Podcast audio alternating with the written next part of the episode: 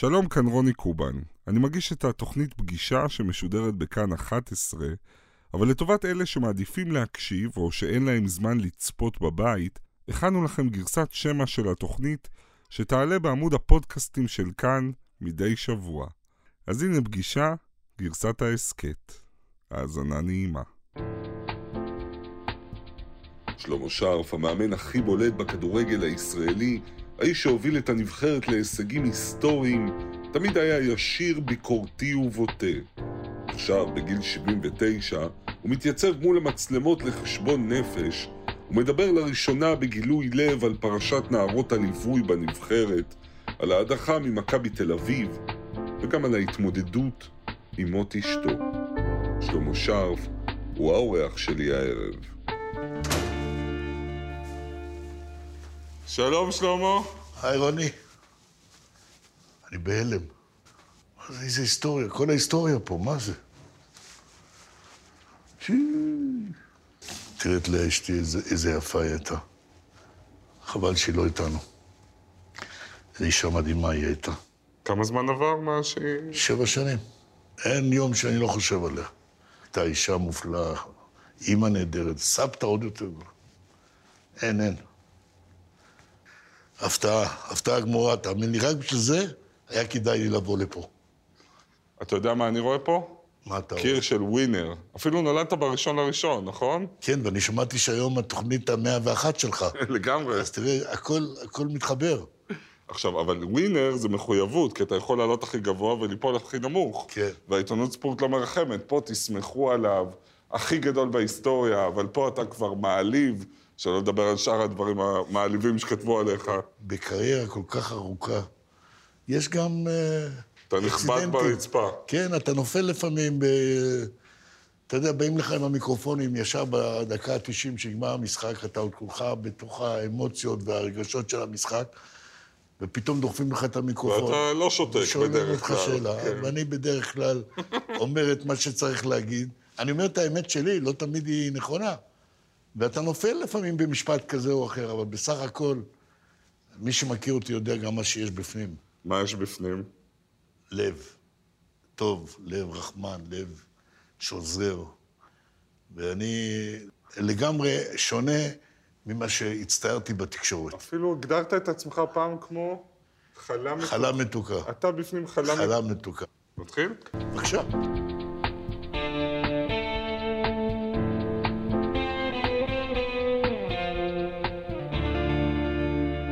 שלום לשלמה שרף, שלום רב. מאמן הכדורגל הכי בולט בכדורגל הישראלי, המאמן הלאומי שהוביל את הנבחרת להישגים היסטוריים, האיש שהפך את מכבי חיפה מקבוצה אפורה לאימפריית כדורגל, מי שגילה וטיפח כישרונות כמו אייל ברקוביץ', רוני רוזנטל, ובאופן כללי אחד האנשים הכי צבעוניים בזירת הספורט המקומית, ישיר, ביקורתי, בוטה, ווינר, בן 79, אלמן ואב לשלושה ילדים, סבא ל-11 נכדים. נכון. שלום שלמה, שמחים שאתה פה. אני גם שמח. אני רוצה להתחיל עם סיפור שלא הכרתי עליך, סיפור מהילדות. אתה בעצם הגעת לארץ בגיל שש ממחנה עקורים בגרמניה. ההורים ששרדו את השואה עלו בלי כלום, ונאבקו במשך שנים ארוכות כדי להביא אוכל הביתה. כל דבר היה מותרות, כולל הנעליים. תראה, קנו לי נעליים פעם בשנה, זה היה בראש השנה. ואני עם הנעליים האלה, זה היו נעליים יחידות שהיה לי בבית, וגם בבית ספר, וברור שגם שיחקתי איתם כדורגל. ואבא שלי כל הזמן תפס את הראש, מה אתה משחק כדורגל? אין לי כסף לקנות לך נעליים, תשמור על הנעליים. והיה לו סכין של סנדלרים, אתה יודע, עם ברזל כזה, עם שפיץ, שכשגדלתי, הנעליים לחצו לי, אז הוא היה חותך לי את הקצה והבוהן הייתה מגיעה רבע שעה לפני הרגל. וככה גדלתי שנה שלמה בלי נעליים. היום, שאני, לנכדים שלי ולילדים שיש להם עשר זוגות נעליים, אני אומר להם, אני זוג נעליים אחד היה לי. אז הם אומרים, אה, אתה עוד פעם הסיפורים שלך. אנחנו כבר מכירים את זה. אבל אני מנסה, בוא נדמיין רגע, ילד שהולך עם נעליים, האצבעות בחוץ, בחורף, במשחקי כדורגל עם חברים, התביישת? לא, כי היו הרבה ילדים שלא היה להם. היו גם ילדים שהלכו יחפים. וברחובות אה, לא היו כבישים ולא היו מכוניות כמו שהיום. אז המשחק הכדורגל שלנו היה עם סמרטוטים, היינו עושים סמרטוטים, כי לקנות אה, כדור כסף לא היה לנו. והיינו משחקים ברחוב, היינו שמים שני אבנים, זה היה שער, וככה שיחקנו כדורגל. וההורים עובדים מאוד קשה. אימא עובדת באיסוף תפוחי אדמה? כן, היא הייתה אוספת תפוחי אדמה מהשדה, כי לא היו מכונות אז. והיא הייתה אישה יפה עם ידיים כל כך עדינות, והיא הייתה חוזרת הביתה אחרי העבודה, והאצבעות של הידיים נפוחות, והיא הייתה עושה קומפרסים עם אה, מים חמים. היא הייתה שמה בתוך קערה את ה... אני זוכר את זה כמו ילד, את הידיים בשביל להוריד את, ה... את הנפיחות של האצבעות שלה מהעבודה עם כפות הידיים. ואבא, ואבא שלי היה עובד אה, בפרדס, היה מחליף, היו אז מחליפים צינורות אלומיניום. הוא היה מחליף את הצינורות האלה בשביל להשקות את הפרדסים. ואמרת שלפעמים כשהוא היה נוסע על עגלה עם חמור... הוא היה נוסע עם עגלה וחמור, ואני הייתי חוזר מבית ספר, הייתי רואה אותו על עגלה, התביישתי, הייתי מסובב את הראש, שהוא לא יראה אותי. עכשיו, אתם עולים לארץ, ההורים עדיין עובדים מאוד קשה, ואז גם אתה מתחיל גם לקחת חלק, נכון? כן, למשל, גידלנו בחצר אה, עופות, שהיו לנו ביצים קצת, ותרנגולות, וברווזים, ואווזים, ואני גידלתי, והייתי הולך בתור נער לצומת רעננה, שם היו שדות של טנא, קראו לו הבעל הבית. והיו משקיעים שם הרבה מים, אז גדלו שם עשבים. לא היה לנו כסף לקנות תבואה אה, או שעורה בשביל להאכיל את העופות. הייתי קוטף את העשבים האלה ועם שק על הראש. הייתי הולך מרחק של שניים, שלושה קילומטר בשביל שיהיה מה להאכיל את העופות. וביצים היה. אבל רוב קצת... הזמן זה היה לחם עם ריבה תפריט, נכון? טוב, כן. הייתי הולך לבית ספר עם סנדוויץ' כל השנה, שזה היה פעם ריבה צהובה ופעם ריבה אדומה. זה היה הסנדוויץ'. כשהייתי מריח את הנקניק מילדים אחרים, לא ידעתי מה זה הריח הזה עם השום, הריח הטוב. זה היה מגרה אותי. תגיד, החוויה הזאת של לגדול במחסור, הייתה היום בן 79. מעניין אותי אם זה מתישהו יוצא ממחזור אדם, כמה שאתה מצליח, כמה שאתה מגיע לטופ, או שזה טבוע בך, וזה לא יעזוב אותך אף פעם. טבוע בי. טבוע בך? כן, אני איפה זוכר... אתה רואה היום, בגילך ובמעמדך, אתה הגעת באמת לטופ, יש לך נחלה גדולה, כולם מסודרים, איפה זה טבוע בך היום? שאני רואה שזורקים את האוכל, שאני רואה שיש כאלה שאין להם. זה, זה, זה מחזיר אותי לתקופה שלי, כשאני ילד צעיר, שלא היה לי את כל הפסיליטיס שיש היום. זה לא שיכולת לאכול חופשי ולקחת, זה היה מוקצה ככה. דיברנו קודם על הפה הגדול, על שאתה אומר, אני תמיד אמרתי את האמת שלי. אני רוצה ככה לעבור על כמה התבטאויות, שאני לא יודע איך לכנות אותן, מצחיקות, פרועות, לא פשוטות. כמה דוגמאות, בסדר? על שחקני הנבחרת אחרי משחק לא מוצלח במיוחד, אמרת, אם לא הייתי מתבייש, הייתי אומר שכולם אפסים. מה, מה קרה אז? מה בזה? כשכתבים שואלים, זה הולך להיות כיף, כשכתבים שואלים אותך, למה אתה לא מזמין את השחקן המוביל של הפועל חיפה, עופר טלקר, לנבחרת? אתה אומר, שחקן מוביל? מובילים ירקות, לא כדורגל. אני, תשמע, טלקר... זה קצת מעליב. אני, אני, אני, תראה, זה כמו שאמרתי על, על, על, על רפי כהן, שהוא ספג שער במשחק נגד נבחרת ספרד, מיירו, ממרחק של 25 מטר, אז שאלו אותי אחרי המשחק מה יהיה, אז אמרתי, יהיה שוער אחר. כאילו פיטרתי את השוער בשידור ישיר. זו השאלה הבאה. אה, זו הייתה השאלה הבאה. אמרתי, תשמע, באופן... זה של... אבל גם אמרתי לך שתופרים לך מיקרופון בדקה ה-90, שאתה עוד כועס על כל העולם, בפרט על השוער, שסופג שני שערים כאלה שאסור היה לו לספוג, כי אנחנו היינו במרחק של עלייה... אבל לפטר בשידור ישיר? אז לא, אמרתי, ישחק שוער אחר, למה זה פטר? זה לא, לא גירשתי... לא כדאי להגיד לא את זה קודם, לקרוא לו... אבל לא גירשתי אותו מהנבחרת. אם היו שואלים אותי חצי שעה, אז הייתי נמנע מלהגיד את הדבר הזה. אז אמרתי, ישחק מישהו אחר. למה באותו רגע כעסתי עליו. מעניין, אני מת להיות בחדר, שגרפי כהן המסכן, בסדר, הבנתי שהוא לא שיחק משהו באותו, באותו משחק, no. אבל אחר אתה צריך לפגוש אותו אחרי שפיטרת אותו בשידור חי. מה קרה? צחקנו מה, מה זה, הוא צחק? לא הוא צחק? לא... גם רפי כהן, תשאל אותו, הוא יגיד לך, אני מת עליו, למה אני, רפי כהן, אני הבאתי אותו מאילת בתור נער, שאף אחד לא ידע מי הוא, למה אם אני לא הייתי מביא אותו מאילת, עד היום הוא היה יושב ודג דגים שם באילת. אוקיי, עוד התבטאות אחת לפנתיאון. אלי אוחנה, אחרי שהוא עוזב את הנבחרת, אתה אומר, אתה זוכר? תחליט מה אתה, שחקן, מאמן. או דוגמן. או דוגמן שמפו. כן. כאילו כן. נתת את זה כבר עד הסוף. כי אז הוא עשה פרסומת כן. לשמפו. תשמע, אני הרבה דברים אמרתי בשביל ההומור, בשביל ה... בשביל ה... בשביל הכיף. כן. ולא התכוונתי להעליב אותו. עובדה שאחר כך החזרתי אותו לנבחרת. הנה עוד כמה שהיה להם קצת פחות כיף. דיברנו על התבטאויות באמת ססגוניות, לפעמים מעליבות, אבל כיפיות. היו כמה שחצו את הקו לחצי גזענות. השחקן הפועל תל אביב, זיטו גבונה... אמרתי אמר- לשים אותו בכלוב. הייתי שם אותו בכלוב ושולח אותו לניגריה. נכון, אתה יודע למה? כי הוא לפני זה, הוא עשה תמונה של כאילו להרוג אותי עם, עם סכין. אז כשמאיימים עליך עם סכין, אמרתי שהייתי שם אותו בכלוב, כי הוא פושע, הוא פרחח, בגלל שהוא איים עליי עם סכין, אתה מבין? ועבדיאל ארויו, אתה זוכר מה אמרת? מה אמרתי? שילך לאכול בננות. נו, אז מה קרה? אני לא אוכל בננות? אה, מי החליט שרק שחורים אוכלים בננות? מה, לבנים לא אוכלים בננות? עכשיו אני אגיד לך, את אתה הבננות... מיתמם, אתה מיתמם. אז בוא אני אגיד לך מה היה אוקיי. בוא אני אגיד לך. נו, כשאני הייתי מאמן נבחרת ישראל, הייתה פנייה אליי לנסוע לפנמה, לשחק בפנמה. ואז אני לא ידעתי פנמה, שמנמה, איפה זה פנמה, אמריקה המרכזית, מה יש שם, מה אין שם. ואז אמרו לי שפנמה היא יצואנית בננות מספר אחת בעולם. כשהוא אמר לי, ארויו הוא שחקן מפנמה, נשבע לך ביקר לי, שיתקשר לי פנמה עם בננות. לא, לא זה שהוא באלוהים שחור. אני נשבע לך. לא, הבנתי. בכלל לא... אתה יודע ח- שעל התבטאות כזאת היום היו משעים או מעיפים. אבל אני אומר לך עוד. פעם, אני נשבע לך בבריאות של, של ה... הסברת לו את זה? שלי. או שהוא לא רצה לשמוע אני הסברים? רציתי לצלצל, לצלצל בערב, לדבר איתו. שאלתי את אבי לוזון, אם אני יכול להתקשר אליו, הוא אומר, עזוב, שכח את זה, לא צריך, לא, שום דבר לא. אבל הלכו ועשו מזה סיפור. השאלה אם זה לא הרגעים שבהם גבה לבבך. כן, שכל כך נהנית מהשואו והזה, ומיקרופונים, והנה אני מכניס עוד דחקה, אתה יודע כמה... כי אתה באת משם מלמטה, אז, אז לפגוע באלה שהם על הקרשים? רוני, תקשיב לי, אני אמרתי לך, נשבע לך ביקר לי. ל- לקשור אותי לגזענות זה כמו... אני לא יודע, אתה, אתה יודע, זה הניגוד המוחלט לאופי שלי למה שאני עושה. תראה, קח דוגמת הבית שלי. אוקיי. הבת שלי נשואה עם אה, טריפוליטאי. הבן שלי נשוי עם מרוקאית. הבן הראשון שלי נשוי חצי טריפוליטאית, חצי פולני.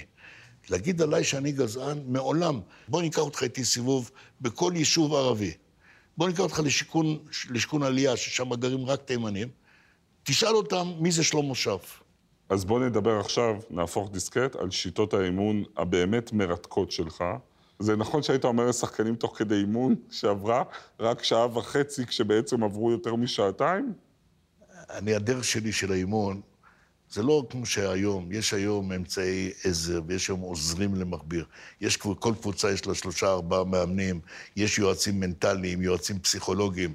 אני הייתי האבא והייתי האימא והייתי היועץ שלהם והייתי הכל. אני בצד זה שדרשתי מהם, גם נתתי מעצמי הרבה. ואמר- אני דאגתי לסדר אותם בחיים, דא- דאגתי שיהיה מה להם זה לסדר? דירות. אתה העלית אותם ל... העליתי אותם. לבמה ו- הבינלאומית. ודאגתי שיהיה להם חיים טובים יותר. אבל ידעת גם להשקיע. להיות מאוד קשוח. אבל כמו בטח. מפקד, כמו בסרטים האלה בצבא. על רואים. המגרש לא היה לי חברים, גם אם זה הבן שלי, היה צריך לקבל את הצעקות, היה מקבל את האלה. אמרת פעם, כשהם הקיאו מרוב מאמץ, נכון. אמרתי להם, אני הכיתי מכם בשבת, אתם תקיעו ממני כל השבוע. הם היו מפחדים להפסיד. אבל קרה לך ששחקן שאתה הבאת, פתאום כמה שנים אחרי אתה צריך להראות לו את הדלת, כי הוא כבר לא? בטח. היה לי את אבירן, הש- הש- השוער הצעיר, זיכרונו לברכה, שהוא היה עילוי, שהוא היה כוכב. בגיל צעיר כבר, לפני צבא, כבר הוא היה מועמד לשחק. והיה לי שוער ותיק ששיחק במכבי חיפה, קראו לו אברהמי. והוא קיבל שער מיווני מ-40 מטר בבלומפילד. ואז אמרתי, די, הגיע הזמן שאבירן, הילד, ייכנס לשער, יואו. והכנסתי אותו לשער. כשאני אומר את ההרכב בחדר בשער, אני אומר לצדוק, אני מצטער, אבל אבירן משחק בשער, הוא קם והלך בתנועה מאיימת אליי, לכיוון שלי, והשחקנים התנפלו עליו. עוד רגע הוא מגיע אליי, הוא, מק... הוא נותן לי אגרוף, מכה אותי. זה היה הרגע הכי מביך שהיה לי בתור מאמן בקריירה שלי. ואתה, בתור מאמן, כמה אתה מתגעגע לזה היום? לא, לא, היום עברתי את זה. לא תשמע. מתגעגע לרחש של המגרש, למתח, תראה לי- ל- להצליח, יש לי לשכל העשרות אלפים עליך. יש לי עדיין אה, את הרגש הזה שאני בא למגרשים ואני משדר את ה... אני פרשן של משחקי הכדורגל בליגת העל, אז יש לי עוד את הריגושים. כשאתה רואה את המאמן עושה טעות, לא בא לך רגע לבוא אליו משגע. להגיד, זה משגע. אותי. אבל לצערי הרב אין לנו מספיק מאמנים טובים, כמו שהיה בתקופה שאני האמנתי, ואני... כל אחד יסכים איתי שרמת הכדורגל היום בישראל היא בירידה תהומית. אז מה עוצר אותך להיכנס רגע ולייעץ לו באוזן מה לעשות? זה לא, לא זה נאור, לא זה לא נאור.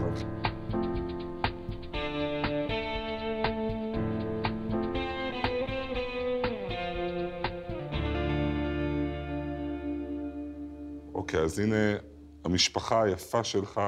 אתם כולכם גרים בעצם באותה נחלה, ואתה האבא של השבט הזה, הילדים אבי, ענת ואורי. אמרנו 11 נכדים. 11 נכדים. ופה אשתך המנוחה לאה. הייתם נשואים 47 שנים, עד שנפטרה מסרטן, ולפי מה שקראתי, לאה אמרה על עצמה שאין אישה שהקריבה ככה את עצמה למען בעלה. זה אמת. היא הייתה אישה מדהימה. היא, היא, היא ידעה בדיוק, כשהפסדנו איזשהו משחק, היא ידעה להרגיע את כולם סביבי. והייתי בא הביתה, כאילו שניצחתי את המשחק. והיא ידעה לעשות את זה, והיא השתתפה איתי בכל הרגעים האלה, גם של הצלחה וגם ברגעים של כישלון. היא הייתה לצידי לכל אורך הדרך, וידעה ידעה איך להחזיק אותי שאני בתמונה. עכשיו, אני רוצה להבין, חלוקת התפקידים, כי אתה בקריירה ארוכה ומפוארת, אוכל, ילדים, לימודים, סידורים, היא, רק היא? בדרך כלל... אתה, המורות, אתה יודע איך קוראים? איזה מי יודע, לא ידעתי, לא הכרתי את המורות. אה, את. הייתי צריך לנסוע לחיפה, זה היה יום שלם, אני נוסע בבוקר, חוזר בערב, אני יכול ללכת לבית ספר, למורות. היא הייתה הכל. בלילה לקום לילדים את- את צריכים משהו? בחיים לא קמתי לילדים, לא שמעתי ילדים. חיתולים החלפת? לא יודע עד היום איך עושים את זה. מעניין אותי אז, בדינמיקה, בחלוקת תפקידים ביניכם, זה תסכל אותה, היא התלוננה, היא אמרה לך, בוא תהיה יותר בבית? פחדת שהיא מתישהו תגיד, טוב, הוא רק בכדורגל, והיא תעזוב אותך? שהיא תעזוב אותי? לא, היא אהבה אותי, היא אף פעם לא חשבה לעזוב אותי בשום מקרה. הייתם זוג כמו... כן, היינו מאוד קרובים, מאוד ביחד. סעדתי אותה בבית חולים, והיו לי שנים קשות, חמש שנים, שאני לא מאחל את זה לשונאים שלי, אני לא מאחל את מה שאני עברתי. אתה יודע מה זה? זה, זה לא פשוט לחיות עם אישה שהיא יודעת שהיא הולכת למות. אתה יכול לתאר לך מצב כזה? זה מצב שהוא לא נורמלי. הכי נורא שיש. הייתי מתהפך במיטה, בכרית בצד, ובוכה, שהיא לא תשמע אותי. והיא תמיד תישאר בליבי. המחלה התגלתה אצל לאה כשהייתה בת 62, כן. ואתה אומר שהיו לכם גם שיחות שבהן היא כבר הבינה לאן היא הולכת. כן. ואז היא אמרה לי, תשמור על הילדים, תיתן להם. והבטחתי לה, ואני מקיים את זה עד היום. בלילה שהיא נפטרה, ישבתי לידה, והיא ביקשה ממני שאני אשמור על הילדים. ועד היום אני שומר עליהם. שומר עליהם שמירה אדוקה אפילו, הייתי אומר. יותר מדי, אבל אני שומר עליהם, ומקבלים ממני הכל. אני רוצה לשאול רגע, אמרת שזאת הייתה התקופה הכי קשה שהייתה לך, חמש שנים האלה, כן. ולקראת סוף המחלה של לאה, גם הבת שלכם, ענת, חלתה בסרטן. יחד, באותה תקופה, כן. ש... בטריסטריון, ב- כן. שמע, זה, זה, זה כל עולמך חושך, אתה יודע מה זה חושך? אתה לא מוצא פינה בשביל להירגע, אתה, אתה הולך כמו סהורי, אתה איש חזק, אבל מאיפה לוקחים כוח לנהל קרב כפול לא כזה? יודע, כי זה בעצם היה הכל עליך. לא יודע. לא יודע. ו- ולחיות בלי אהבה כזאת, אם אתה 47 שנים עם אישה, זה כמו, כמו שהשם מזורחת, נכון? סדרי עולם פתאום לכן משתנים. אני גם, אתה רואה אותי שאני גם היום, אני לבד, אני לא... יצאתי עם אישה, אבל לא הסתדר לי, אני... אה, יצאת? היה איזה יצא לי, ניסיון? כן, היה- לי ניסיון, אבל אף אחד לא יכולה להיכנס במיטה שלה, שאני יושן על ידה, במקום שלה, אף אחד לא תשכב. היו דברים שהבנת כמה היא הייתה מדהימה רק אחרי שהיא הלכה? בטוח. כל החיים השתנו, זה לא, לא דומה בכלל, אתה יודע, החיוך שלה שנכנסת הביתה. אתה יודע, חסר לי מי להחליף את המילה, המילה בלילה, לדבר איתה. זה, זה, הייתה חברה יותר מאישה, הייתה חברה שלי טובה.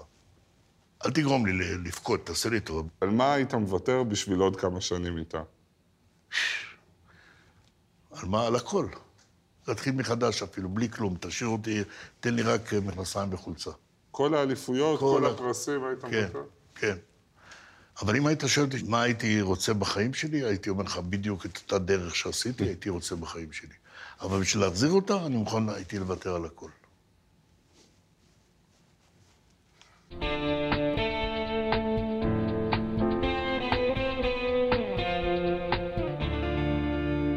איצטדיון רמת גן. שישי ביוני 1999, ישראל נגד אוסטריה, 50 אלף צופים.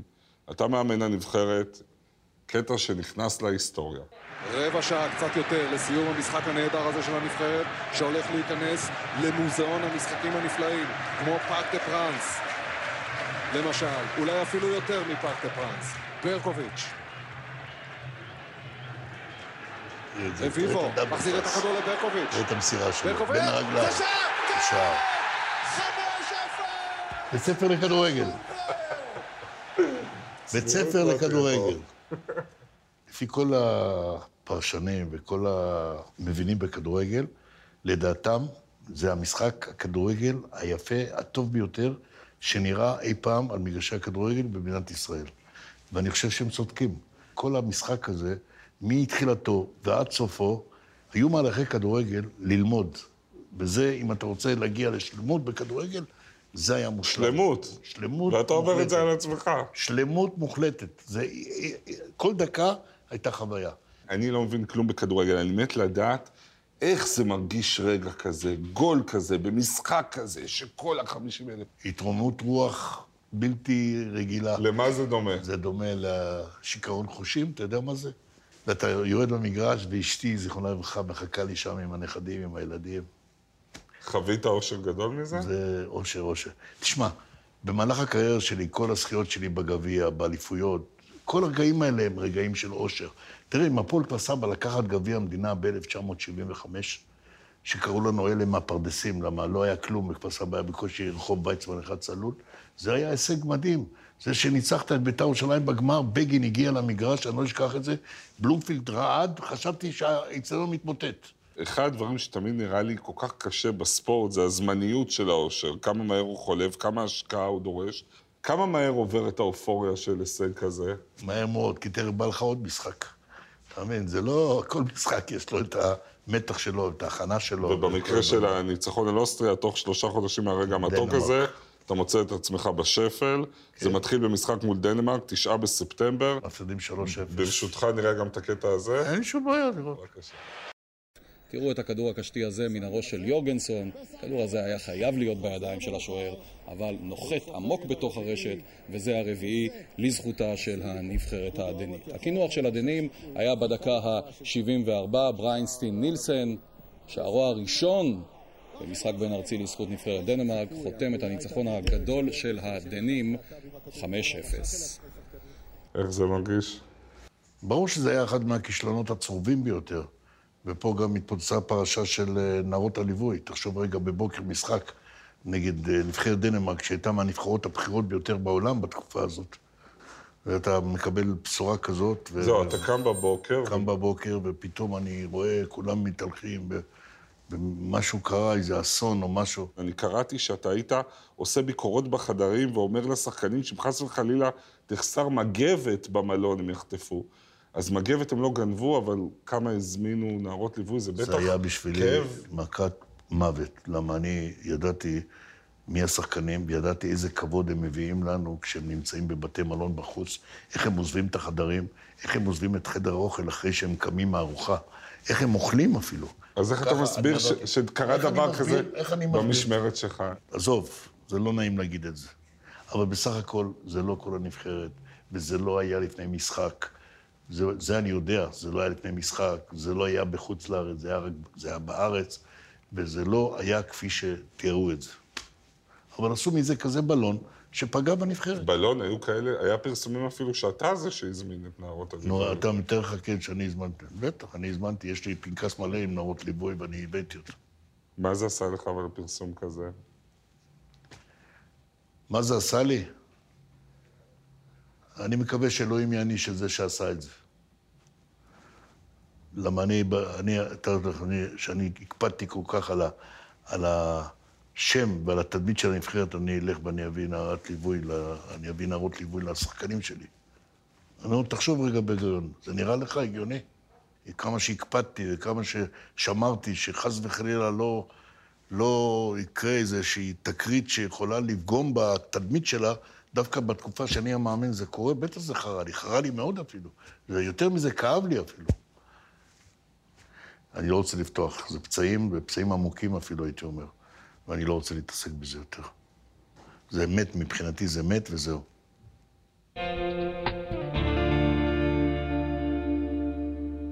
אנחנו לקראת סיום, איך אתה? הגיע הזמן, לא? כמעט שכחנו שאתה אחד הפרשנים הכי אה, צבעוניים ומיומנים שיש לנו, מה שמזמין את משחק הפרצופים האהוב עלינו, שיחקנו אותו עם רבים וטובים, מאהוד ברק, דרך ציפי לבני, והיום אתה. אני מראה לך פנים של איש מוכר, חלק מחייך, וממש תגיד במשפט, במילה, מה עובר לך בראש. נו. הנה, אייל ברקוביץ'. זה הגדול מכולם. הוא, גם הוא, בספר שהוא כותב, הוא כתב שאם שלמה שרף לא היה מאמן במכבי חיפה בתקופה שהוא היה צריך להשתלב מהנוער לבוגרים, הוא לא היה מגיע למה שהוא מגיע. אופירה אסייג. מה אתה רוצה שאני אגיד עליה? מה ש... מה שבא לך. אין לי, אין לי הרבה מה להגיד, אני מבין שהיא מאוד מצליחה היום ב, בקטע שלה בטלוויזיה. כל הכבוד. אתה ממש נוטף חיבה. תשמע, אני אף פעם לא היינו מה, מאותה, מאותה קבוצה. היא בקבוצה אחרת ואני בקבוצה אחרת. באיזה קבוצה היא? היא בקבוצה הרבה יותר גבוהה ממני. אוקיי, ואחרון, ממש חביב, אבי נימני.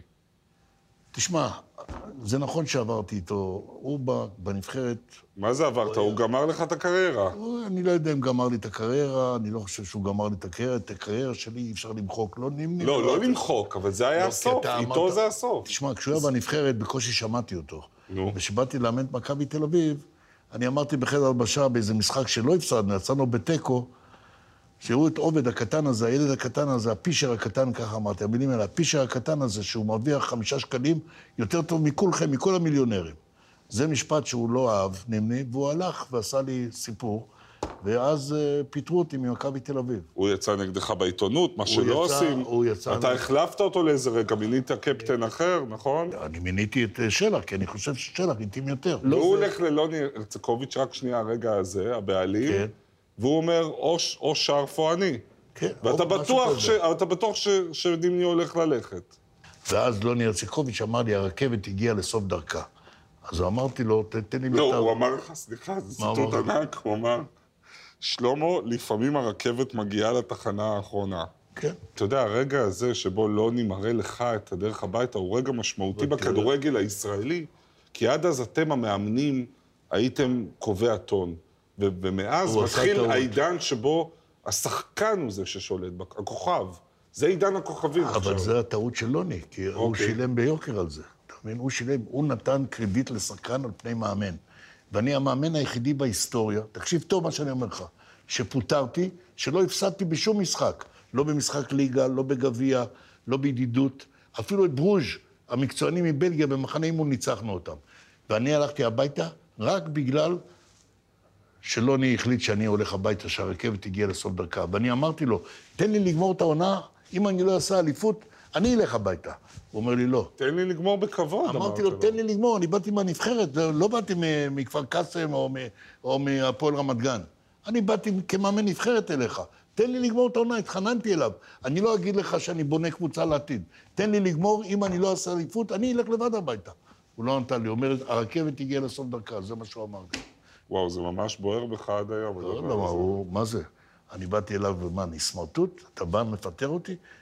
תחשוב רגע שמאמן הולך הביתה בגלל שלא מוצא חן בעיני השחקן? איפה נשמע דבר כזה? איפה נשמע דבר כזה ששחקן מפטר מאמן? מה אתה רצית שאני לא אפגע? בטח שנפגעתי. אני אחרי זה עברתי צנתור. היה לי, היה לי, היה לי בעיה עם הלב, היה לי, עד כדי כך לקחתי את זה, כי אני בחיים לא פיטרו אותי. אני, המקום היחידי שהלכתי הביתה זה ממכבי תל אביב, שלא הפסדתי אף משחק, והלכתי הביתה. אבל אני רוצה להגיד לך, נימני, אני, אני, ברגע שאבא שלי נפטר, הוא הגיע אליי הביתה, לא עם, לא עם עוד חברים, אלא הגיע לבד, וזה אומר הרבה שאתה בא לבד. והוא בא אליי ולחץ לי את היד וביקש סליחה, ומאז נגמר. אני היום חבר איתו, ואנחנו ביחסים מצוינים. לא ידעתי. כן. מה שלמה שרף, תשמע, בגיל 79 אתה דפקת פה הופעה, באמת, תודה שבאת, היה לי לעונג. גם לי. תהיה בריא לעוד הרבה. שנים. תודה רבה. תודה רבה.